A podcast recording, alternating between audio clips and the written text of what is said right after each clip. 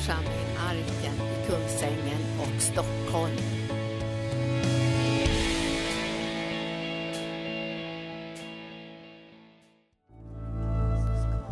Ja, vi välkomnar dig, Herre Jesus Kristus. Vi välkomnar dig genom din heliga Ande och ditt ord. Vi är här för att höra från himlen, vi är här för att bli förvandlade. Vi tackar dig, Herre, för att du har gjort så mycket underbart i människors liv. Vi ber att det här, den här dagen blir också en sån dag då du når oss med ditt ord och din Ande. Då du förvandlar oss och du förhjälper våra tankar att bli präglade av dina tankar. Och du hjälper våra gärningar och våra liv och våra steg som vi tar att vara sådana steg som är i din efterföljd. Vi vill tjäna dig Jesus och vi vill följa dig framför allting annat. Vi vill göra beslut som är så mycket större än vad vi egentligen riktigt förmår. Och framför allt större beslut och större steg vill vi ta än de som vi har kontroll över. För vi vill lämna kontrollen till dig. Vi vill lita mer på dig än på våra egna bedömningar. Vi vill gå ifrån alla uppgifter och alla liksom steg som vi tar bara därför att vi tycker att vi har kontroll över det. Bara för att vi tycker att vi har liksom det, här, det hela i vår hand. Vi vill att saker och ting ska ligga i din hand och vi vill våga lita på dig i livet och vi vill våga följa dig i både stort och smått. Vi tackar dig Herre för att du ska tala till oss på sånt övernaturligt sätt. Att vi sätter igång en vandring som vi inte vet hur, hur det ska gå till. Men vi vet vem vi följer. Vi vet och vem som har kallat på oss. Vi vet vem vi kan lita på och det är du Jesus. Vi prisar dig för att vi ska få lära känna dig ännu mera, komma dig ännu närmare, bli ännu mer radikala och brinnande än vi någonsin har kunnat tänka oss eller, eller drömma om, eller bedja eller, eller på något sätt liksom försöka föreställa oss. Det finns en värld och ett liv som är Jesuslivet och vi vill vara med och leva det livet framför allting annat. I Jesu namn och församlingen sa vad sa församlingen? Amen. Tack Jesus. Tack lovsångare. Då ska vi ta och gå till Johannes evangelium, det första kapitlet. Eh, där ska vi läsa om de här första lärjungarna. Jag, Eh, jag, jag, jag är en eh, Jesusbeundrare. Men eh, jag är inte, har inte heller särskilt lite beundran för de här första lärjungarna. De, de vågar sig på saker och ting. Och jag vill verkligen säga det att det är någonting av min målsättning egentligen i livet som, som predikant. Att försöka säga saker till dig som gör att du vågar dig på någonting när det gäller att följa Jesus. Att du inte sitter och är rädd eller feg eller, liksom, eller, eller bara låter dig skrämmas av alla möjliga omständigheter. Hela livet är fullt av omständigheter. Ska man börja rätta sig efter det så blir man ju bara en pannkaka. Utan här gäller det liksom att liksom höra vad Herren säger och våga göra det. Våga följa Jesus, våga vara hans representant i det livet som du har fått. Det är liksom inte, du, har liksom inte, du kan inte gå och välja ett annat liv, utan du har fått ett liv av honom. Och när du börjar komma underfund med vad det innebär så är det att vara hans representant just där du är. Och, eh, och, när du är det så kommer ditt, ditt liv att på rätt sätt förändra sig. Annars så kommer det bara vara dina egna och mina egna planer som ska hålla på och förverkligas. Vad vill jag och vad vill jag? Vart vill jag gå då? Vill jag gå dit eller vill jag gå dit? Vill jag göra det här eller vill jag göra det där? Jag menar, det är inte Jesuslivet. Jesuslivet är, vad vill han? Alltså om du förstår det här, att vad vill han? Ja, vad kan han göra? Ja, då behöver man, så jag känner ibland så här, behöver jag flytta på mig? Jag har till de här som inte flyttar på mig. I första taget, det till, eh, inte till allas glädje, men liksom, några kan väl vara lite glada över det, att jag inte flyttar på mig. Men jag förstår att när jag fick, när jag fick kallelsen, liksom, och så, så, eh, jag blev placerad här i Kungsängen.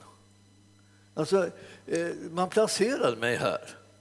Jag hade aldrig varit i Kungsängen, men jag blev placerad här. Jag, jag, jag, jag kände att det liksom var en Herrens ledning att placera mig här. Jag gjorde ingen motstånd mot det, jag liksom höll inte på och funderade över det så där mycket. Utan frågan var bara, nu är jag placerad här. Hur vill han använda mitt liv här, när han har placerat mig? Och det fick jag inte mycket information om, utan det var bara så, jag bara satte igång då. Och jag, jag, så, jag var, blev ju präst först då. då så. så jag var präst här i Kungsängen. Men sen liksom skulle jag göra någonting annat i Kungsängen än att vara präst. Då skulle jag bli pastor här i Kungsängen i en nystartad församling. Det var en helt annan liksom, värld. Det var en helt annan värld i samma värld som jag egentligen hade levat i hela tiden. Det är bara det att den blev helt annorlunda. Jesus sa någonting till mig och det gjorde inte att han flyttade på mig utan han bara förändrade mitt liv. Bara förändrade mitt liv. Du förstår att ibland så tänker vi så här, oh, nu måste Jesus göra någonting. Då måste jag oh, dit eller dit eller till andra sidan jordklotet. Jag trodde jag gick längre och trodde att jag skulle bli missionär i Kina. oh, missionär i Kina, liksom. det är nog det lösningen. oh, det är Kina, det är Kina. Hela släkten hade åkt till Kina och, och, liksom, och alla var födda där. och så här. Det var bara jag och eh, min, min brorsa och syster som var födda här i Sverige. Liksom, annars var alla födda i Kina. Det är väl dit jag ska då, det är väl det som är rötterna då. Eh, strunt i rötterna. Men här frågan är, Herren är liksom den som är vår enda rot, som vi säger så. Den enda roten som är värd att bry sig om.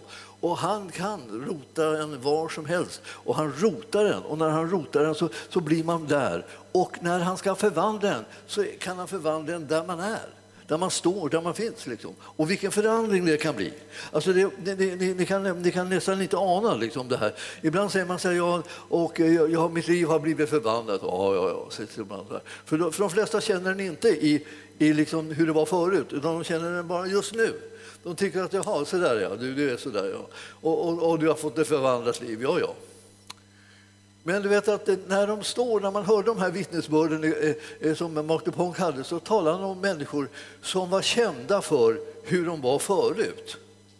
Alltså det var känt att de inte såg, det var känt att de inte kunde gå. Det var känt, liksom alla de här omöjligheterna i deras liv var kända. Alla de som var runt omkring, de visste precis hur det var. Den här personen kan inte det här, han har aldrig kunnat det, det har aldrig fungerat. Och de visste det och, det, och de har sett den i åratal. Sen kommer Herren på samma ställe med samma människa och förvandlar den människans liv. Då blir deras liv ett vittnesbörd därför att man kände till deras förflutna och, man nu, och nu ser man att nuet var helt annorlunda. Det blir blivit något helt annorlunda. Det är inte säkert alltid att sådana där förvandlingar som händer med människor är sånt som andra tycker om heller. Det, det, det, vet många när de har blivit förvandlade av Jesus och så kommer de hem och så ska de tala om att de har blivit frälsta. Och så där. Och det, det blir inte ett enda halleluja, de vet, kanske inte ens kan halleluja hemma. Utan då, då kan de bara sitta och vad är det med dig? Har du blivit, liksom, har, har blivit sjuk eller liksom, har, har slagit över för dig? Sådär, sådana där reaktioner får de. Därför att det, det, får man, och en del säger så här, ja, det får man se hur länge det håller. Ja, och sådana där, såna där kommentarer, därför att man vet inte att Herren kan förvandla människors liv precis där de är, mitt inför andras ögon. Och han kan förvandla dem så radikalt så att du aldrig släpper. Så det aldrig går över. Det bara, kommer, det bara är där. Och det är så, det är så störande. Och, och, och det, det stör och rubbar alla möjliga människors cirklar runt omkring. Därför att man har blivit förvandlad. En person har blivit förvandlad. Ett evangelium, alltså ett gott budskap har nått ut till någon människa och de har hört om Jesus och de har låtit Jesus förvandla dem. Alltså, det här, jag blir så, jag blir så upplivad av det. Om du, om du bara läser till exempel Johannes 1, då står det liksom om, om eh, den, i 12 versen, första kapitlet, 12 versen så står det så här. Men åt alla de som tog emot honom så gav han rätt att bli Guds barn åt de som tror på hans namn. Och de är inte födda av kött och blod, efter kött, eh, eller av kötts vilja eller av någon mans vilja, utan av Gud. Alltså ni förstår att plötsligt så griper Gud in och, och, och sätter sin märke, eller sin, liksom sin bestämmelse över en människas liv, så att nu blir den det som han vill. Och du vet att det här är egentligen det som du och jag ska ha som mål. Att saker och ting ska bli som han vill. Eh, om du kanske har kommit till den här punkten i livet, jag hoppas det. En del av oss får komma till den många gånger. Det vill säga den punkten då man helt enkelt tröttnar på att man hela tiden ska ha sin egen vilja fram i sitt liv. Därför det blir inte så smart och inte så bra. Det blir liksom en liten självisk eh, eh, grej så här, som blir som en vurpa egentligen istället för liksom någon härlighet som bryter fram. Den som kan göra livet till en härlighet är Herren Jesus. Ingen annan kan göra det. Och därför ska vi söka hans vilja. Det är därför som vi kommer samman. För att vi ska få veta hans vilja och kunna göra den. Det är en väldig skillnad på det och liksom att försöka tänka så här, nu sitter jag här för att jag ska få min vilja fram. Hur ska nu, och alla andra ska upptäcka vad min vilja är så att jag ska få göra min vilja. Nej, det är du inte alls. Du är inte här därför. Du vet inte varför du är här tydligen. Utan du är här för att göra hans vilja. Du är här för att upptäcka vad han vill med ditt liv. Och om han får göra vad han vill så kommer han kunna göra under precis där du står. Det är så, när, när, han, när han talar till mig Alltså, där jag stod som präst och skulle förbereda mig att gå ner till pastorsexpeditionen här nere vid, eh, vid Kungsängens kyrka då, en morgon, stod där och borstade tänderna. Då, jag var inte förberedd på någonting. Jag bara stod där och borstade tänderna och plötsligt säger Herren till mig, gå ner och säg upp dig. Alltså, ni kan inte förstå vilken, vilken, liksom hur många mil det var ifrån vad jag hade tänkt att göra. Alltså, att jag hade aldrig tänkt att flytta med en millimeter. Det här, är en av mina, det här är en av mina styrkor i livet, att jag flyttar inte på mig. Men du förstår att det, det, det, är, så, det, det, är så, det är så jättebra. Alltså. Så jag har tränat sedan barnsben att inte flytta på mig. Jag var inte lätt att fostra. Alltså. För jag, jag, jag ville inte jag, liksom rätta mig efter någonting, utan jag stod där jag stod. Och, och, min mamma brukar berätta liksom hur, hur eländigt det var och hur, hur otäckt det var någon gång när jag stod där och sa nej när hon ville någonting. Jag sa nej och jag tog i så att jag svimmade för att säga nej till något för jag inte ville. Jag, jag flyttade inte på mig. Och då stod jag precis uppe vid en, eh, på andra våningen vid en trappa så här. Och jag sa nej och sen sa det brak och så rullade ner för hela trappan och, och låg där nere. Liksom, och, så och de blev ju eh, livrädda och sprang liksom ner och liksom för att se vad som hade hänt. Men jag hade blivit tillräckligt liksom lealös att jag tog ingen skada. Men jag var en envis rackare. Och, eh, man tänker, vad, vad, är det? Det ligger väl bara liksom i fatet. Jag ska ju liksom ödmjuka mig, bli mild och lydig och formbar och, liksom, och, och lätt att ha att göra med. Och sådär. Ja, jag har en sån sida också. Men eh, den, den, den, den dyker inte alltid fram och inte inom vissa områden. Inom vissa områden så är det som att jag har rotat mig. Jag, är, jag står fast där jag står. Och eh, eh Herren placerade mig här. Och han sa till mig att det, du, du, du, jag sätter dig på den här platsen och här ska du göra min vilja.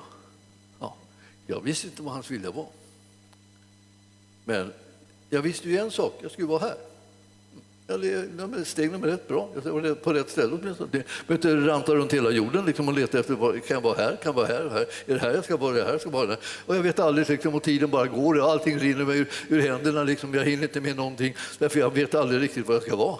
Nej, jag ska vara här.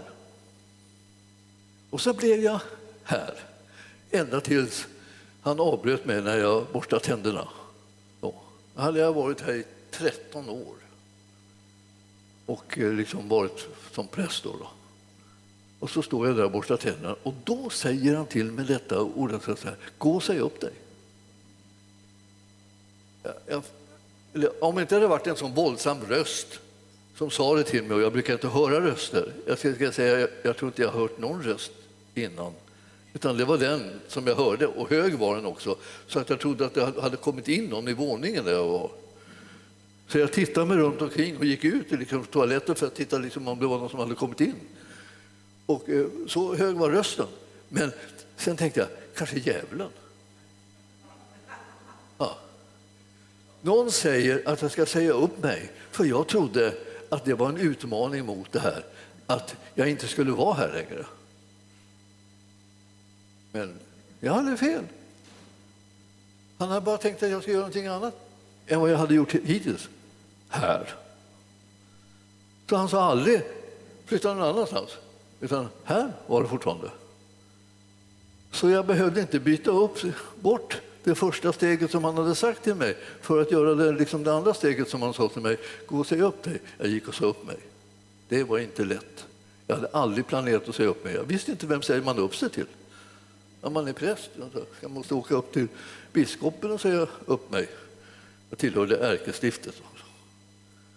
Ja, jag, jag, jag gick ner där och letade. Jag sa upp mig till alla, hela personalen eh, nere på pastorsexpeditionen. Jag sa, är det du som man säger upp sig till? Ja, jag vet inte, sa de då. Så här. Jag säger upp mig, sa jag. Och så, och så, och så gick jag till nästa. Är det dig man säger upp sig till? Nej, jag, jag vet ingenting. Nej, jag säger upp mig till dig också. Och så gick jag igenom gick med alla som var där den där dagen. Då. Den som jag skulle säga upp mig till var inte där den där dagen. Jag fick ta det liksom retroaktivt sen. Då, då. Men ni förstår, det var ett uppsägande, uppsägande, uppsägande. Jag visste inte vad jag skulle göra. Jag var bara uppsagd. Jag hade tre månaders uppsägning, sen var, sen var, det, sen var det ingenting. Så det gick tre månader. Jag var ganska ivrig bedjare då, ni kan föreställa det. Man blir, får ett förnyat böneliv när man hamnar i sådana där ställe där man liksom tycker att man kommit ut ur ett vakuum så ber, ber man mera liksom på något sätt. Och jag ropar till Gud. Men ni förstår det här, att man, att man kunde, skulle vänta på någonting, att Gud skulle tala om vad är det som har blivit nytt? Vad är det som han vill nu? Vad är det som är liksom viktigt som gör att han måste tycka att, att, att jag måste ändra på liksom förutsättningarna? Det, det var vissa saker som måste liksom öppna sig för, för att jag skulle kunna göra vidare på eh, den väg som jag hade gått, börjat gå på. Det var någonting som skulle kunna ske, som kunde ske här. För han sa inte flytta eller sådär, bryta upp härifrån, utan det var här. Och jag, jag, kände då att, liksom att det här, det här är, det här är liksom annorlunda och spännande. Nu måste Gud ge mig förklaringarna. Och jag, hade, jag kom in i en, bön, en bönetid liksom, då jag bad och bad och bad och bad. och bad. Varenda dag i timmars timmar liksom, gick omkring och bad. För allt eftersom det här jag sagt upp mig så ville de inte ha mig till någonting. Det är också, ligger också i sakens natur på något vis. Att har man sagt upp sig så är det, är det ju ingenting att bygga på. Så då, liksom, då låter man den liksom, liksom springa omkring lite, löpa såna, göra löpande grejer så här. Men sen är det, man kan inte bygga upp något nytt för den är inte här om ett, om ett tag så det är ingen idé. Så det, liksom, det liksom hänger i luften. Ja, då, då det här, det här liksom var en bön, bön, bön, bön, bön, bön, bön, bön. Jag bara tungor som jag tror aldrig i hela mitt liv äh, bett så mycket tungor. Alltså timmars timmar, en eviga dag bad jag i tungor. Liksom. Det liksom börjar liksom komma klarhet på olika plan. så här. Och, och, och Herren sa, e, e, efter det att jag, min tid gick ut, jag hade fortfarande ingenting att göra, det tre månader hade gått och då var det slut och sen var det ingen lön heller. Så då var det ett annat bönämne som infann sig ganska snabbt. Jag måste bedja för att jag skulle ha någonting att leva av. Jag hade ju familj och, vi, och, så här, och, vi, och jag hade inget jobb och, och där stod jag. Bön, bön, bön, bön, bön. Alltså. Jag kan säga det att eh, det, det många gånger när jag gick där i, i timmar och bad så tänkte jag så här, är det här liksom någonting som leder någonstans? För jag, jag hade bett alla böner som jag kunde liksom formulera, liksom, kan vi säga. Jag hade bett färdigt allting. Jag hade sagt allting som jag till äventyr skulle ha på mitt hjärta i den där situationen. Så det enda som jag hade kvar var att jag bad i tungor. Och när jag var i tungor så liksom var det så att jag, jag behövde inte hitta på någonting utan liksom, eh, jag behövde inte konstruera någon liksom önskningar, några särskilda specialgrejer och så här. Jag behövde inte lägga mig i vad det som skulle vara bönesvaret. Utan det var, eh, bönen var liksom ett sökande efter Guds vilja för mig just nu, här där jag var. Liksom. Och bad och bad och bad och bad. Och så. Och jag vill säga till er liksom att det är något väldigt befriande, kom jag på så småningom, att slippa hålla på hela tiden och manipulera Gud till vad han skulle göra för mig. Vad, vad, vad, vad är det? Vad vill han? Vad, kan han inte göra det här? Ska du kunna, kan du göra det där? Ska jag bedja om det där? Jag, behövde, jag, jag hade alla de här sakerna, alla önskningarna av alla slag. Jag var öppen för alla möjliga förslag från honom. Men tyckte jag liksom, och var generös och sådär. Till slut så hade jag liksom inte något mer att säga. Och då blev det bara bön i anden. Bön i anden blev en fantastisk befrielse från att hålla på och greja med vad, och komma med förslag till Gud vad han skulle göra. Det är ju inte han som är, liksom, som är den, den som behöver förslagen, det är ju jag som behöver förslaget. Från honom vill säga. Så att när jag börjar komma på det här, det är inte dåligt att lyssna till honom, man kanske ska lyssna till honom så han får säga någonting till mig. Det tog lång tid innan det hade jag, jag tystnade så att säga. Och vad ville jag höra vad han hade att säga istället. Det här, eh, jag, jag känner på mig liksom att det, många har liksom samma behov. Att istället för att de hela tiden ropar bara ut sina, eh, sina önskningar så i långa banor så skulle de behöva bedja i tungor så att de får en stillhet i sitt inre så de börjar höra vad Herren vill med deras liv.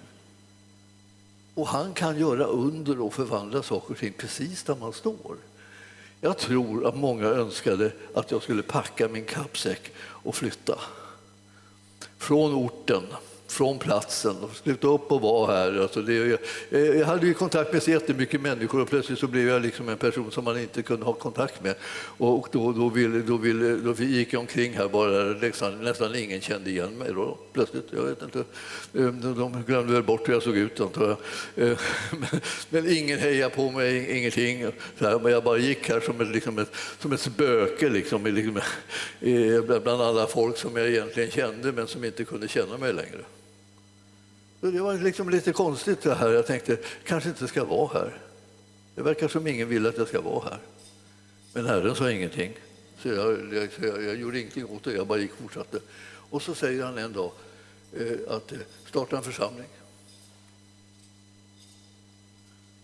Ja, jag kände ju några stycken då som var i en bönegrupp som jag hade, som vi samlade några stycken och berättade så här, vad Herren har sagt att vi ska starta församlingen. Så Linda och jag stod där tillsammans och sa att vi ska starta församlingen församling och vi har gjort det här och, eh, och eh, jag har gått in i församlingen så var det. Det, var ju, det hela var ju lite, lite tragikomiskt på något sätt. Alltså, jag hade gått in i församlingen som vi, som vi hade startat och, och så, Linda, hade, Linda hade inte tid att gå in i en sån här liten församling. Hon sa det bara, är det bara du som är medlem? Det är bara jag som är medlem. Där. Ja, vi väntar lite och ser vad det blir, om det blir någonting av det här. Liksom. Ja. Så jag, var, jag, alltså jag, var, jag var pastorn i församlingen och jag var den enda medlemmen. Så. En väldigt stark församling, det fanns inte minsta, minsta stridigheter i den. Eh, inget knepigt, inget bråk, inget dragkamp, inget krångel, liksom, utan bara enhet. Ja.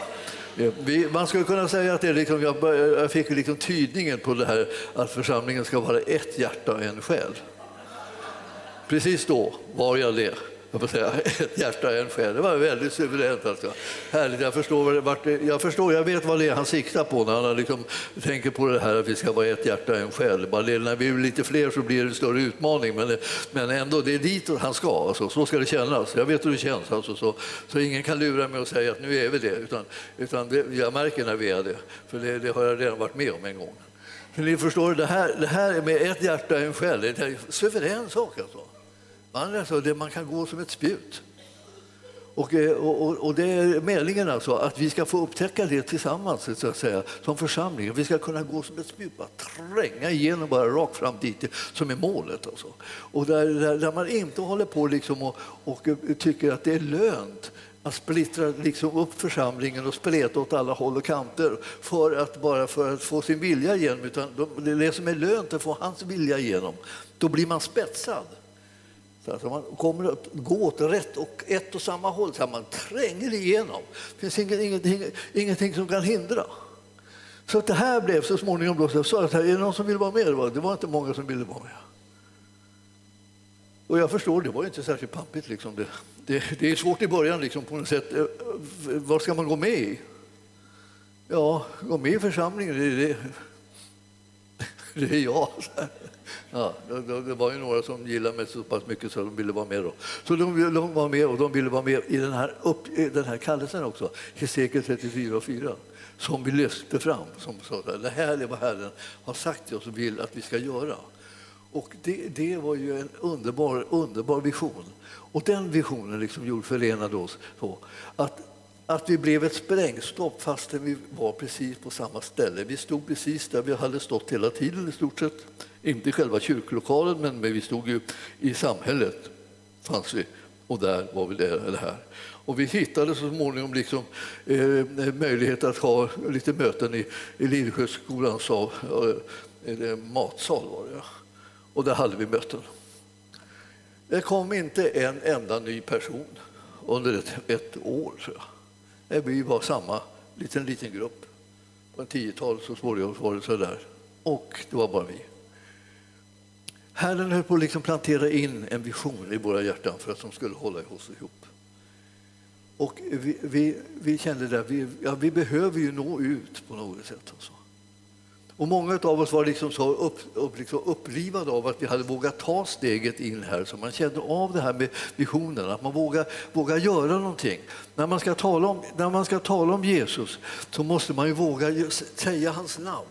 Egentligen så är jag börjar tänka på det eh, nu, eh, nu för tiden, vad lite det behövs för att man ska få eh, en väldig reaktion.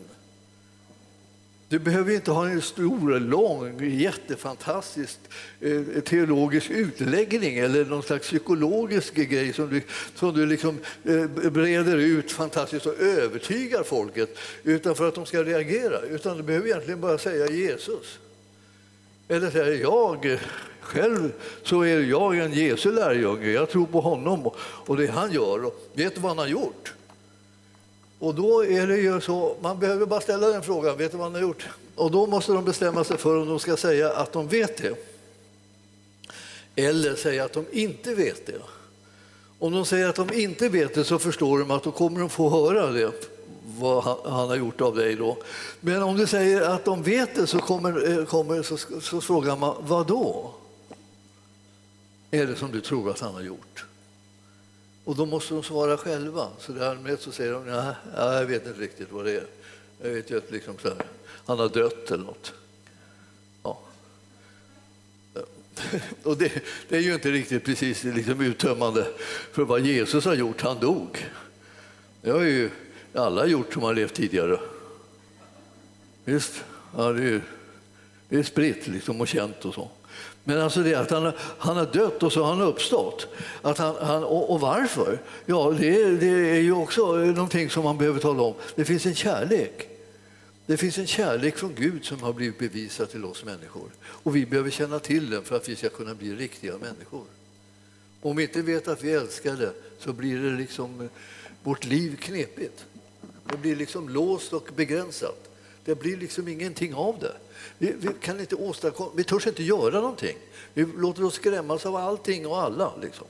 Jag möter människor genom alla tiden som har varit mycket människofruktan. De är så rädda för människor så de vet inte, vet inte till sig. De vet inte, var ska jag, hur ska jag kunna komma undan människorna, alla deras åsikter, alla deras omdömen, alla deras, deras liksom, eh, eh, domar så att säga, över mitt liv? Hur ska jag kunna klara av det? Hur ska jag kunna liksom klara av livet liksom, när det finns så mycket åsikter om mig och vem jag är och vad jag gör och hur jag ser ut och hur jag beter mig och alltihopa det här? Hur ska jag klara av det?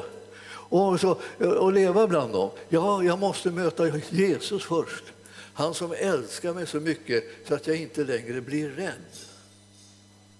Ni vet, när ni har mött det här, håller lite vittnesbörden där. Jag tänkte på Linda också.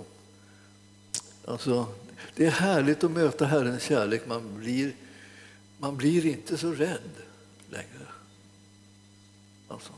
Men det, jag, och jag brukar ofta tänka på det, för jag, jag, jag var ganska eh, liksom, rädd så för människor och eh, framförallt liksom offentliga framträdanden. Och sådär. Sånt där som jag håller på med för jämna nu. Det, men det, det, var, det, det är fortfarande alltså, det är, eh, på samma plats eller i samma sammanhang så var, har jag varit livrädd liksom att göra precis det som jag nu gör utan vidare. För om man är rädd så kan man inte ens det man kan. Det är det som är så underligt. Och jag kommer ihåg särdeles mycket när, när jag gick på dansskolan. Ja, ni förstår att jag har gått på dansskolan, det märks hur jag rör mig. men, men, men, jag gick på dansskolan när jag var ung alltså, och lärde mig alla möjliga danser. Och, eh, och det var så, den var så, liksom så jobbigt upplagd liksom på något sätt. Alla killarna stod på den sidan, de var ungefär sånt här rum då. Så alla killar stod på den sidan och alla tjejerna stod här. Och så stod läraren liksom i mitten och talade om hur man skulle gå då fram dit och så skulle man svänga och så skulle man gå så här och så höll man på så här. Och det, det, det, det, det lärde man sig så här, ja. Och nu, sa han, nu går ni killar fram och så bjuder ni upp tjejerna på den där sidan. Det är för att den här sträckan som var därifrån dit, den var evigt lång. Jag, jag, jag, jag tänkte så här, hur ska jag kunna gå naturligt över den här nu, den här sträckan? Och jag, jag visste ju att jag kunde gå. Det, det, det var. Men, men, men, just det här, alltså, att gå över den här medan folk stod och tittade på medan jag gick över.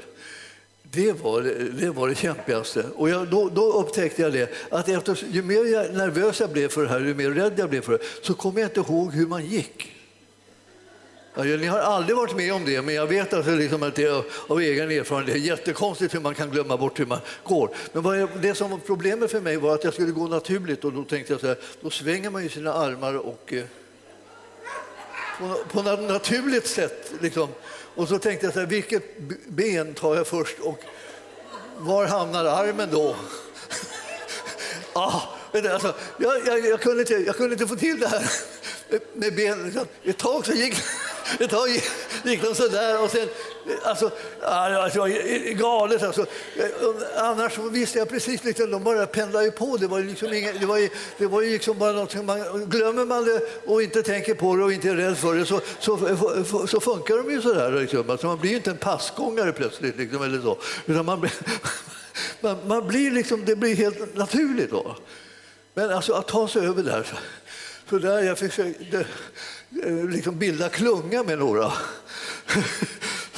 Som inte heller liksom var riktigt säkra på vart de skulle. Vi, vi viftade med våra armar åt, åt olika håll och tog oss så småningom över. Då för att liksom, och då tänkte jag så här, tänk att det, här är, alltså, det här är bara orsaken till att jag inte kan gå beror på att jag är rädd för vad andra tycker om mig. Hur, och därför, därför funkar inte det som jag kan. Jag har liksom lärt mig någonting av det. Om jag kan få människor att upptäcka att det finns ingenting att vara rädd för. Du behöver inte längre vara rädd. Så kommer du att kunna leva det livet som Herren kallar dig till utan att tveka, utan att backa, utan att misslyckas i det. Därför då bistår han dig med sin kraft. Är du rädd så stänger du hela livet. Du stänger det också för honom att kunna vara med dig och hjälpa dig. Det liksom bara, alltihopa bara stängs och du, du klarar inte av en av de enklaste saker. Och nu har Herren kommit för att ingen av oss mera ska vara rädd. Ingen av oss. Alltså, du, du nu då, som hör min röst, det är dig jag pratar till. Du behöver inte längre vara rädd. Det spelar ingen roll med någonting så här. När han är den som är med dig förmår du göra vad helst han ber dig att göra. Du kan göra det i vilket sammanhang som helst. Jag, när jag tänkte så här, nu ska vi starta församling, så först tänkte jag bara liksom, åh, det ska bli härligt. Och sen kom jag på liksom, det här kommer ju de inte tycka om. Nästan alla andra kristna som fanns i hela bygden. De kommer inte tycka om det. Det är mycket lättare att sticka till en annan bygd där de inte känner till den. Då kommer man liksom som en, en som ingen känner och då, då, kan de, då, då tar de det liksom med lite ro. Då har, då har man inga kontakter och, så här, och det blir ingenting eh, konkurrerande. Men, men så kommer man, gör man det liksom där man står, det är inte bra. Alltså. Då blir det liksom väldigt mycket nervositet och oro. Och det är nästan ingen som kan värja sig liksom mot det. Och så kan man göra det ändå då? Ja, det, det beror ju på det. Allting beror ju på liksom hur, man, hur man gör det och med vem man gör det och hur Gud leder det. Och det här är liksom sånt där som vi, har, vi känner ju det, att, det liksom, att om vi gör vi sakerna fyllda av rädsla så blir nästan allting fel. Gör vi sakerna liksom i trygga och får hitta det som är Herrens väg och Herrens sätt att göra det på så kommer saker och ting kunna reda ut sig på olika sätt och det löser sig. Jag, eh, jag, ja, det var, jag tyckte att det var väldigt konstigt. Ett helt år ungefär kan vi säga hade vi möten regelbundet. Det kom ingen ny än de där tiotal som vi var. Och vi försökte liksom inbjuda folk så där, kom, kom, kom, kom. Nej, ingen. Och det, det, var, det, var, det, var, det var kämpigt på något vis. Och till slut började vi försöka, vad vill Herren att vi ska göra för någonting? Ja, vi hade ju ett uppdrag som handlade om helande, befrielse och upprättelsetjänsten. Hur får man ut det? Får man ut det liksom bara genom att man bildar en församling? Eller hur får man ut det? Ja, vi, vi, vi upptäckte ju så småningom när vi hade bett oss där, så kände Linda liksom att, att vi, så måste, vi måste starta en bibelskola. Vi måste starta en bibelskola för att de ska få del av det här med helandetjänsten och befrielsetjänsten. Och under det mest egendomliga, svårartade, komplicerade förhållanden så, så hade vi försökt att annonsera. Vi hade gjort en liten broschyr. Vi hade skaffat ett, ett telefonnummer som de kunde ringa till som, som, eh, som stängdes av. Och, och, eh, vi, vi, vi, ja, och, och, den som skulle ta emot eh, anmälningarna den, den åkte på semester. Och, ja, alltså, vi till slut så tänkte vi hur ska det här bli? Kommer det överhuvudtaget någon? Och vi fick ingen lokal heller. Så därför så, så när de skulle komma till Kungsängen kunde vi inte ge dem någon adress. För det fanns ingen adress. Och så hette församlingen Arken. Och det enda som folk kände till var Arken här i Kungsängen var en båtklubb som låg nere vid Mälaren. Så det var eh, många som var där nere och tittade och letade efter oss, det var båtklubben. Det var, det var, och, och, eh, hur ska det kunna bli någon bibelskola när man överhuvudtaget inte kan hitta oss? En del tänkte att de ska gå på några möten som vi har här i parken. Vi hade inga möten för vi fick inte låna lokalerna längre så de liksom stängde dem, så vi, då fick vi inte vara där heller. Så det blev inga möten, så hit åkte de och letade och körde runt här. Så inga, ingenstans hittade de arken. Men det var här i arken, på, i Kungsängen, som vi skulle ha bibelskolan. Vi hade med alla odds mot oss, nästan. Vi hade Gud för oss. Och så, precis några, några, några, några veckor, då, det var två, eller, två veckor Linda, vad, vad kan det ha varit, som vi, som vi fick tag i en lokal. Alltså, vi hittade en man som, var, eh, som samarbetade med japaner. Han sålde Toyota-bilar. Han var, han, var, han var för att man gjorde saker och ting snabbt och enkelt och alla arbetade och det kryllade liksom på något sätt runt omkring honom där. Och så hade han en lokal som var tom, tom sal där han skulle ställa upp bilar sen, men vi kunde få hyra den. Så vi hyrde den och byggde som galningar, fick upp några skärmväggar. Vi fick inte upp dem upp till taket för vi hade inga pengar heller. Så vi kunde inte bygga ända upp till taket. Man kan säga det verkar väldigt magert med pengar. Det var det. Vi hade inga pengar, vi hade inga löner, vi hade ingenting. Vi hade liksom inga anställda. Jag, jag, jag, jag tror att jag var anställd, men jag hade aldrig någon lön då. då.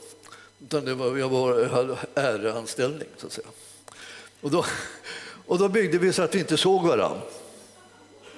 Då. Så vi hade ett antal väggar så här och så, så, så, man inte kunde se varandra. Man kunde höra varandra.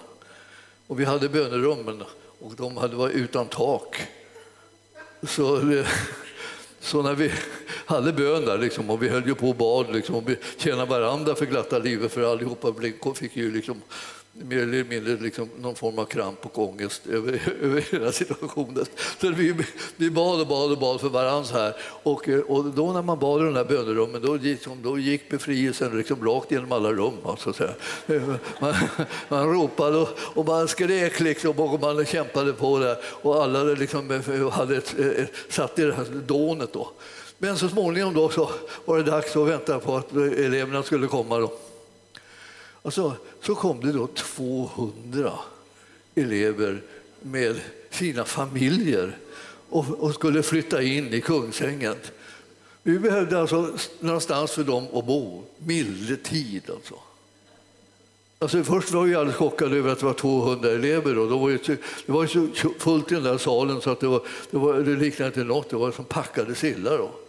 Och sen, så var det, sen var det det här med, med att, att de skulle bo någonstans. Var skulle de bo? Alltså, de skulle försöka bo inneboende. De bodde bakom varenda soffa som de hittade. så att säga. överallt liksom.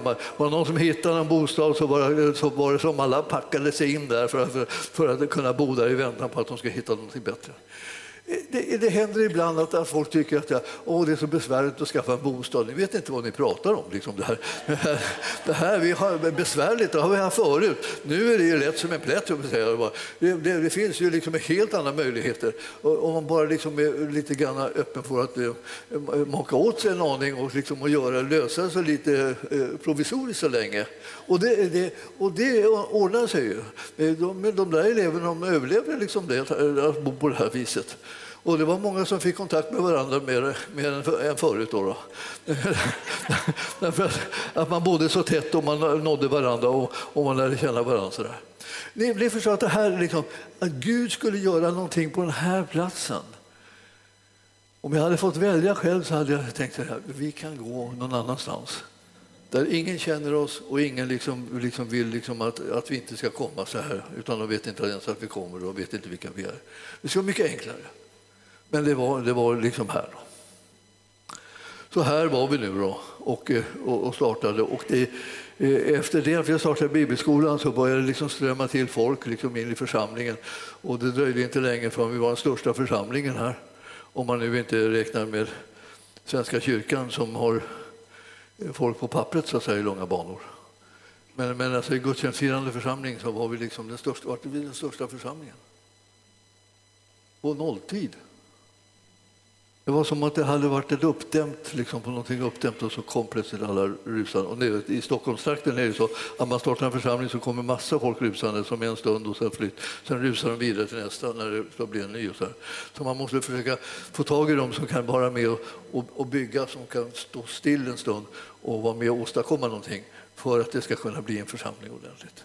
Och det, det här, det här, det här vill säga, det evangelium som vi predikar Evangelium som innehåller budskapet om att vi inte behöver vara rädda när vi följer Jesus. Vi behöver bara vara stolta, vi behöver bara vara glada över att vi känner en sån frälsare. Att det evangeliet måste liksom genomsyra oss för att vi ska kunna liksom behålla det som vi har fått och kunna ge vidare det som vi har fått till andra människor. Alltså evangelium är så ofantligt viktigt för oss, alltså att det kommer ut, därför det är det som är botemedlet mot all fruktan. Alltså, jag vet att alltså, fruktan är, är en pest. Alltså, när, man, när man känner fruktan då, är liksom, då blir ens liv så att säga, förstört av det. Alltså.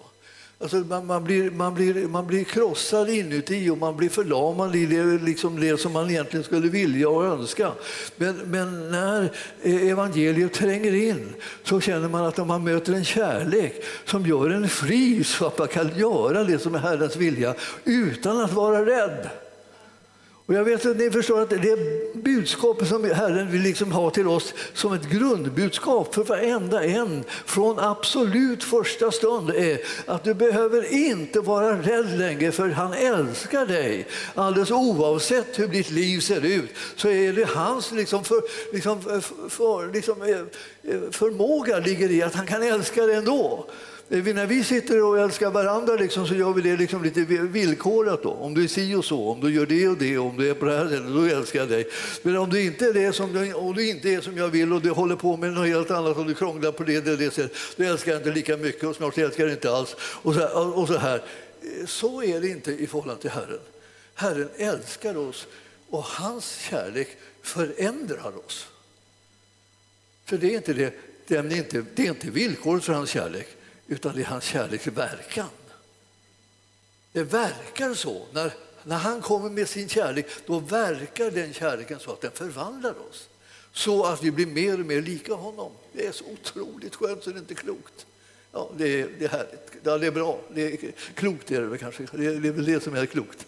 Men, men i alla fall, ni förstår att det, är så, det är så fantastiskt skönt att, liksom, att vara älskad av Gud och veta om det. Allihopa är älskade av Gud, men alla vet ju inte om det. Så då kan man gå omkring i det här livet och, och, liksom, och, och tycka att det går nästan inte att rubba så här. Man kan inte göra någonting, ingenting är tillåtet. Och, och här alla ska styra en och alla är missnöjda med en och alla liksom ska bedöma en och väga en och bråka och krångla med en. Så man, man känner sig man liksom, som, som en förlamad. Det sitter bara fullkomligt hindrad från allting som, som man har drömt om. Och, och, och så ska man följa Jesus. men Det blir tvärstopp tills man upptäcker att han älskar mig i alla fall. Alltså, även när det har blivit stopp i ditt liv så är du älskad av honom. Därför att det, han håller inte på att älska dig därför att det liksom, du har sånt flyt. Det ska man tänka, tänka ja, vänta bara Jesus ska du få se, jag kommer att få jättestort flyt här och då kommer du att älska mig och vilja ha med mig att göra. Då kommer du säga, kan inte du komma och jobba för mig? Kan liksom. du, du har sånt flyt. Men han, han, han kallar på att vända igen. Det är precis som han inte har någon urskiljningsförmåga. Nej. Han har inte det. Liksom. För han går inte omkring och väger oss på det där sättet utan han, han går omkring och förvandlar oss om vi låter honom komma åt oss på något sätt. Så nu är det en kärlek som är utgjuten och den kärleken vill jag att du verkligen ska suga åt dig frimodigt, annars så kommer livet liksom att stanna upp. Och varför ska du göra det när du har en sån herre som, som har en sån obegränsad kärlek till dig? Ta emot det istället. Bara tänk så här, det där tar jag direkt. Alltså, jag, jag menar, om han nu är så oförsiktig så att han älskar mig utan att jag har presterat någonting i gengäld, liksom, utan att jag har levt upp till någonting av allt det som han egentligen vill att en människa ska leva upp till och hur en människa ska vara. Om han älskar mig i alla fall, då, då, då ska jag passa på att bara ta det innan han hinner ångra sig. Och ni vet liksom att det finns ju liksom det här, jag brukar tala om det här liksom, att om nu Herren försäger sig och säger du, du, du jag, jag älskar dig hurdan du än är och, och det, vad du än har gjort, liksom, jag, tar, jag, bara, jag bara ger dig det här gratis. Så, då, då säger man liksom bytte bytt och kommer aldrig mer igen. Alltså man snappar, snabbt, snabbt, snapp, snapp. Man, man, låter, man går inte och väntar och analyserar. Det liksom, nu har jag fått en, ett bra erbjudande, jag måste analysera det. Det kan inte vara så här bra. Så, så håller jag på bryter ner det och, och hackar upp det tills jag inte liksom känner igen budskapet längre. Utan, utan det är så här, det är så bra så jag tar det med en enda gång. Och om du tar det med en enda gång så börjar du tänka att han älskar mig. Mm. Känns bra. Jag kan liksom, liksom andas ut detta och tänka att jag, oh, fri och älskad, liksom. det är vad jag är. Liksom. Tänk att jag är så älskad. Här går jag som pastor i församlingen i Arken. Åh, jag är bara superälskad. Det är härligt. Det är härligt liksom. Och jag börjar, om jag börjar uppleva att jag är älskad liksom av, av Gud så kommer så småningom en, en och annan upptäcka den där, han är ju värd att älska. Liksom. Ja, visst. Jag är det, jag är det, jag är det. Jag är värd att älska. Älskad av Gud. Det är du också. Vi har det gemensamt att vi är älskade av Gud. Ja, men den, som, den, som inte, den som inte känner Gud och den som inte har tagit emot det, också älskad, vet inte om det bara. Därför behöver vi tala om det. Vi talar om det, vårt budskap är att tala om att människor är älskade därför att Herren har bestämt sig. Han älskar alla människor och han tänker ge sitt liv för alla människor. Och sen har han gått och gjort det så att varenda människa ska kunna ta emot budskapet alldeles gratis, att de är älskade av Gud. Det finns ingenting som, liksom, som ligger och väntar på att du ska liksom göra det ena eller det andra eller bli på det ena eller andra sättet. Det finns ingenting sånt, utan alltihopa är redan klart. Om hur man är då. Och jag ska titta, eh, ge er ett bibelställe här. Det finns så många bibelställen inom det här området som man, man tror knappt att det är kan vara sant. Men gå till Matteus i tolfte kapitlet. Då står det så här, hur han gör då när han möter oss. När Herren Jesus möter oss, vad gör han? Ja, han har lovat och sagt alltså att eh, eh från 18 versen i tolfte kapitlet i Matteus Se min tjänare som jag har utvalt, min älskade i vilken min själ har sin glädje. Jag ska låta min ande komma över honom och han ska förkunna rätten för folken. Han ska inte tvista eller skrika, hans röst ska, inte, eh, ska ingen höra på gatorna. Ett brutet strå ska han inte krossa och en rykande veke ska han inte släcka förrän han har fört rätten till seger och av hans namn ska folken sätta sin sitt hopp. Till hans namn ska folket sätta sitt hopp.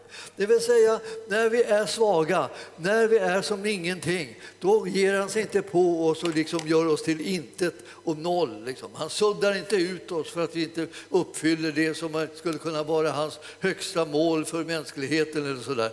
Utan, utan han kommer och han eh, bevarar, beskyddar och hjälper oss och han omsluter oss med sin kärlek så att vi blir ett, så här, ett verkligt frimodigt orätt folk som gör hans vilja var helst vi finner den. Alltså ni förstår att det här är någonting som, vad, vad, vad, vågar jag göra? Hur vågar jag följa Herren? Hur vågar jag göra hans vilja? Ja, det gör jag bara när han visar att för mig, att han älskar mig och för dig att han älskar dig, det är då du blir frimodig. Det är då du, står, det är då du anmäler dig. Då är du inte bara där med full med liksom förväntningar och krav på att han ska eh, bönhöra dig på alla 51 böner som du har bett åt alla håll och kanter genom, genom åren. Utan han, han, han väntar, väntar på att du ska ta emot hans kärlek så att du blir intresserad av hans vilja. Jag förstår att när, när vi har tagit emot hans kärlek så börjar vi bli intresserade av hans vilja och börja bedja. Vad är din vilja, Herre? Visa mig din vilja. Och var ska jag göra den? Så säga, gör den här. Jag behöver inte åka till andra sidan jordklotet. Jag upptäckte att jag behöver inte åka till Kina för att göra Herrens vilja. Vad ska jag där göra? Ja, men där har ju alla släktingar varit och det är där vi har fört ut evangelium i, i generationer och det är, där som, det är där som alla undren har skett som jag har hört berättas om i hela min barndom och, och det är där, liksom det, där var Guds kraft och där var alla änglar som på besök och där blev under och tecken och allt och allt och bara jag menar, och så säger han så här, men ja, vad, vad ska jag göra din vilja? Barnet säger så här, gör den här.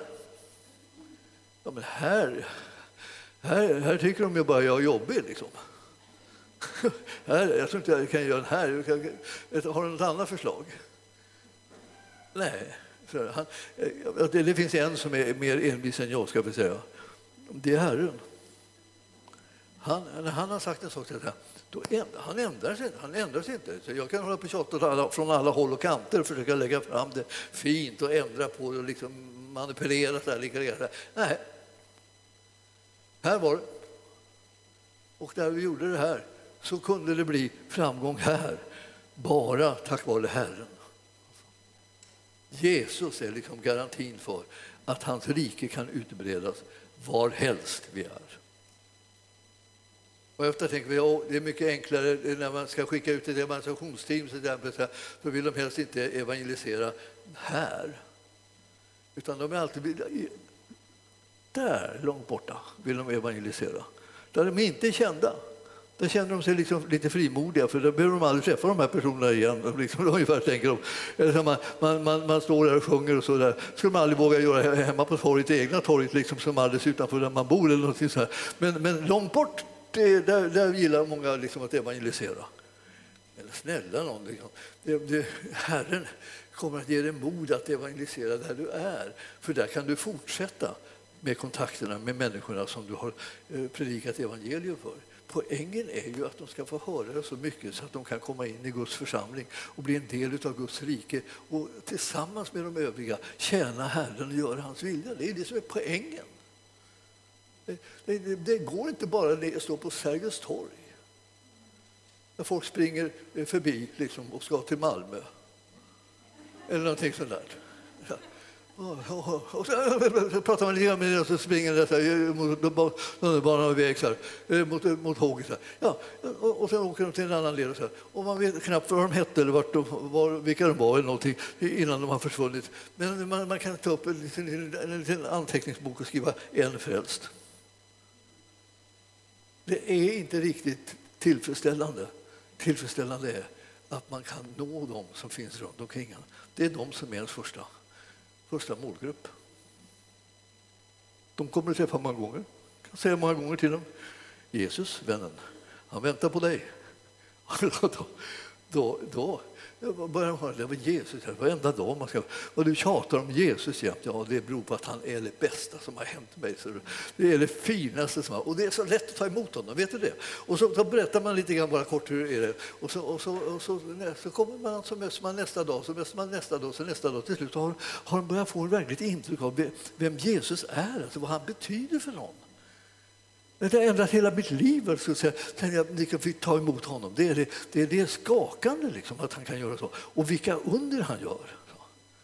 Jag, vet att jag, jag, jag tänkte på det ibland, ibland jag, nu hörde jag många om under här, så tänkte jag så här, alltså, eh, helande kom, tog tag i mig kraftfullt alltså, när jag mötte det här med helande så här, på nära håll. Va?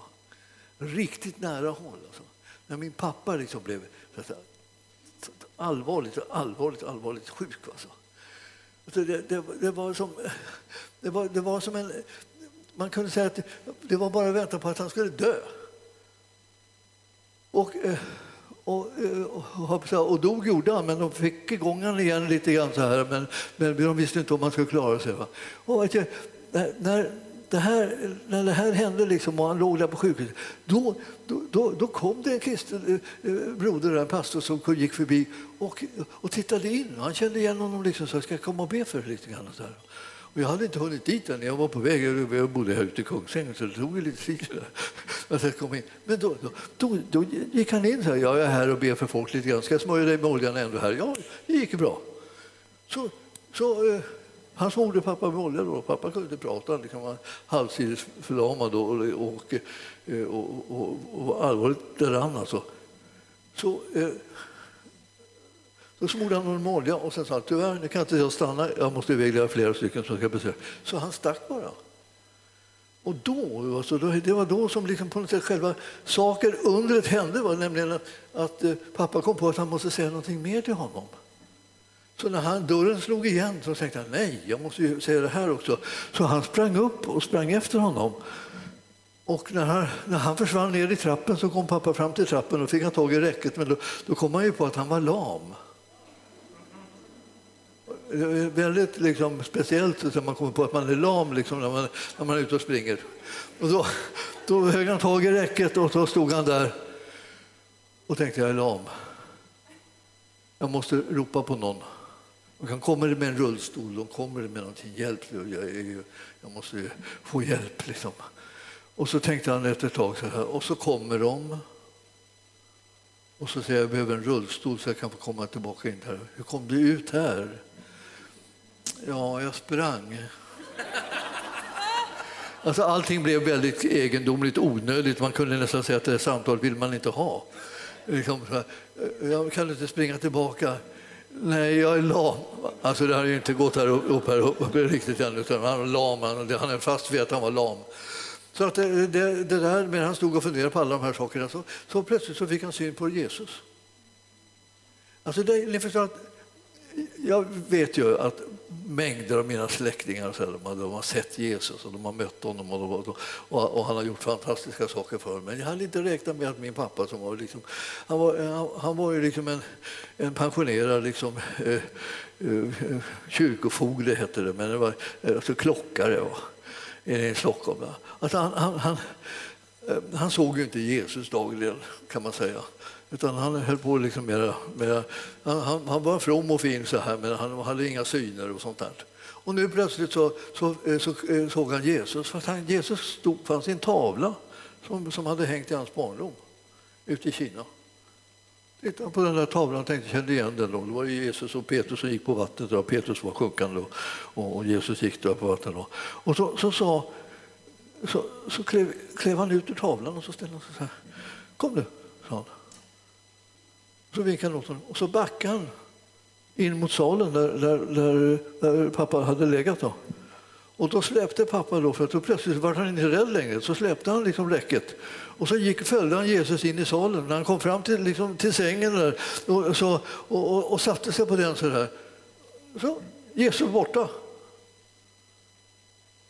Han, han var så konfunderad. Han bara la sig ner så här och låg där liksom och glodde i taket liksom och undrade vad, vad i all världen jag varit med om. Så här.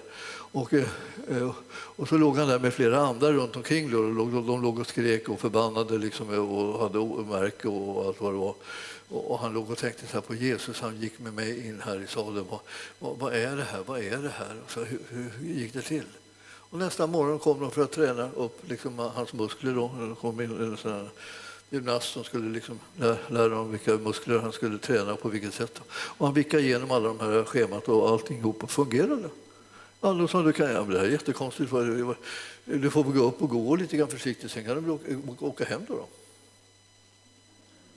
Så, så, så, det var, så var det. Så när jag kom hem och då skulle fråga mamma när, vad, vad, vad, vad han låg på, på, på för sal och hur det var så här, så jag ringde på dörren och så, då öppnade han. Då var, inte jag, då var jag lika, lika korkad som han var. För, alltså. för då sa jag, vad öppnar du för? Man, man, blir så, man blir så paff så liksom, man, man, man, säger liksom plötsligt bara vad man tänker utan att tänka sig för, så att säga, hur det ska låta. Vad öppnar du för? för att jag menar, du har inte rätt att öppna, du är ju lam. Du, du, du ska ligga på sjukhuset. Nej, men han öppnade då. Ja. Ja, sa han, det, det är Jesus, sa han. Och då när han sa Jesus då var det som att hela vattenfallet liksom hade liksom bara brakat. Det bara rann liksom ut i hans ansikte. Han tålde inte namnet Jesus längre utan att, kunna, utan att gråta alltså, av tacksamhet. Nej, jag, jag hade varit med om det där. Alltså. När jag åkte hem därifrån så tänkte jag så här.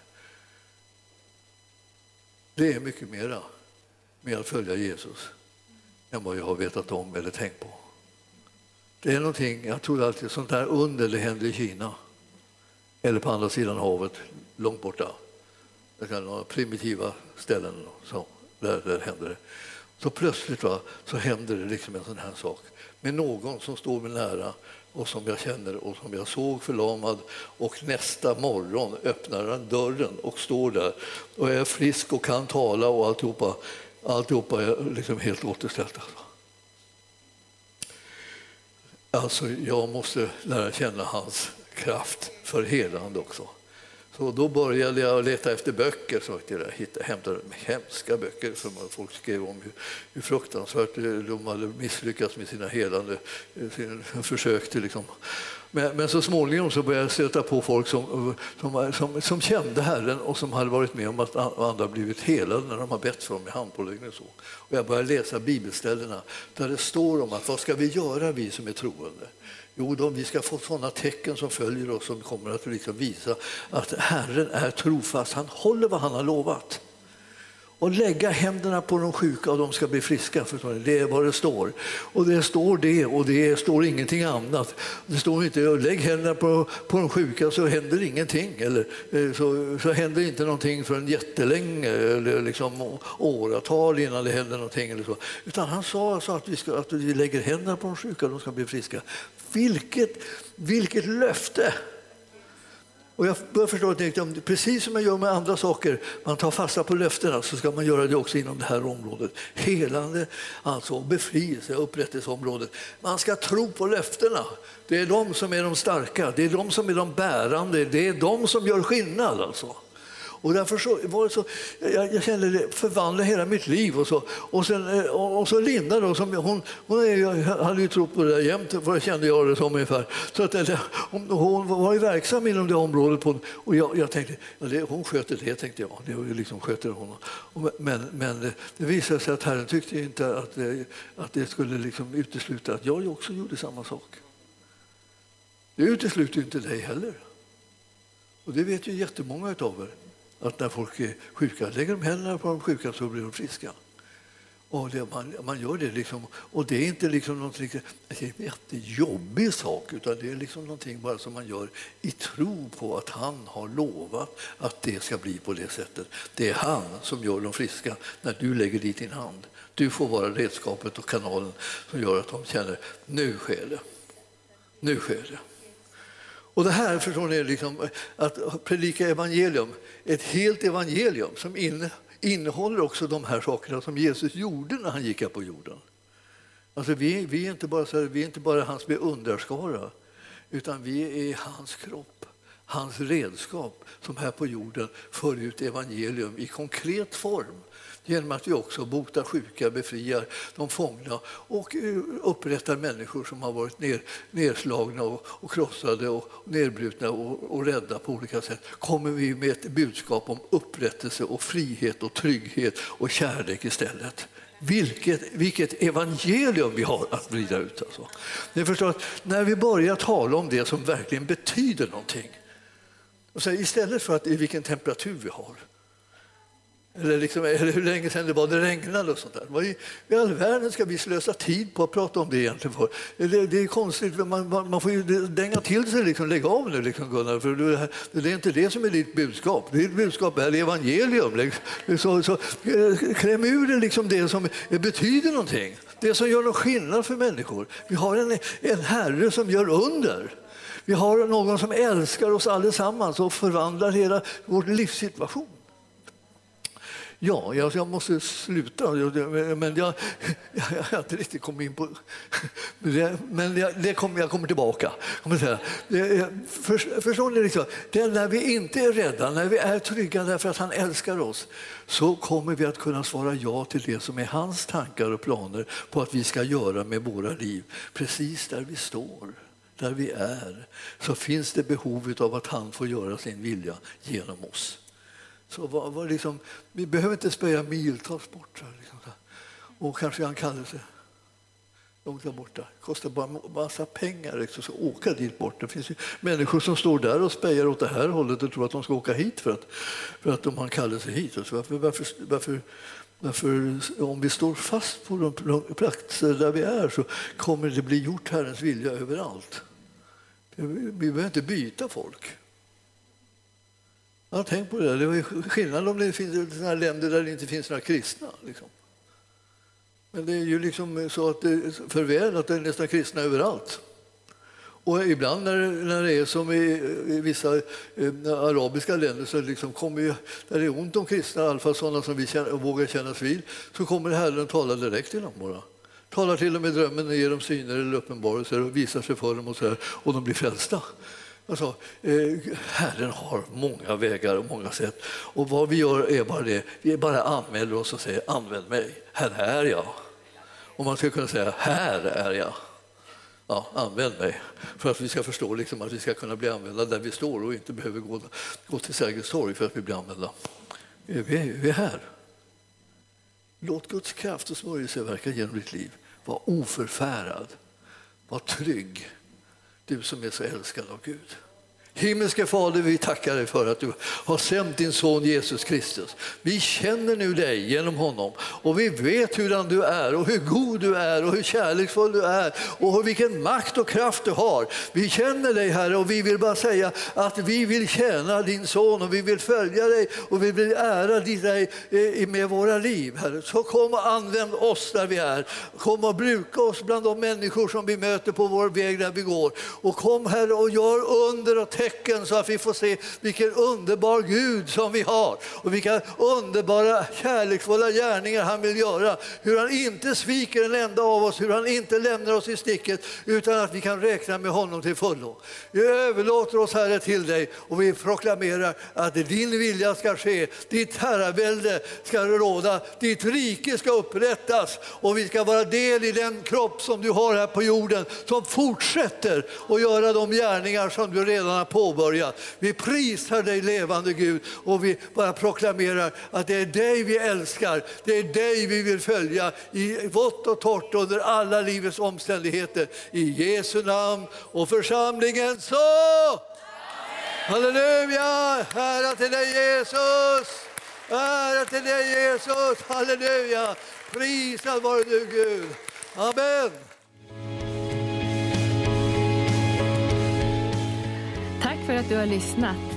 Vill du få del av mer information om församlingen Arken, vår helande tjänst, bibelskola och övriga arbete, gå in på www.arken.org.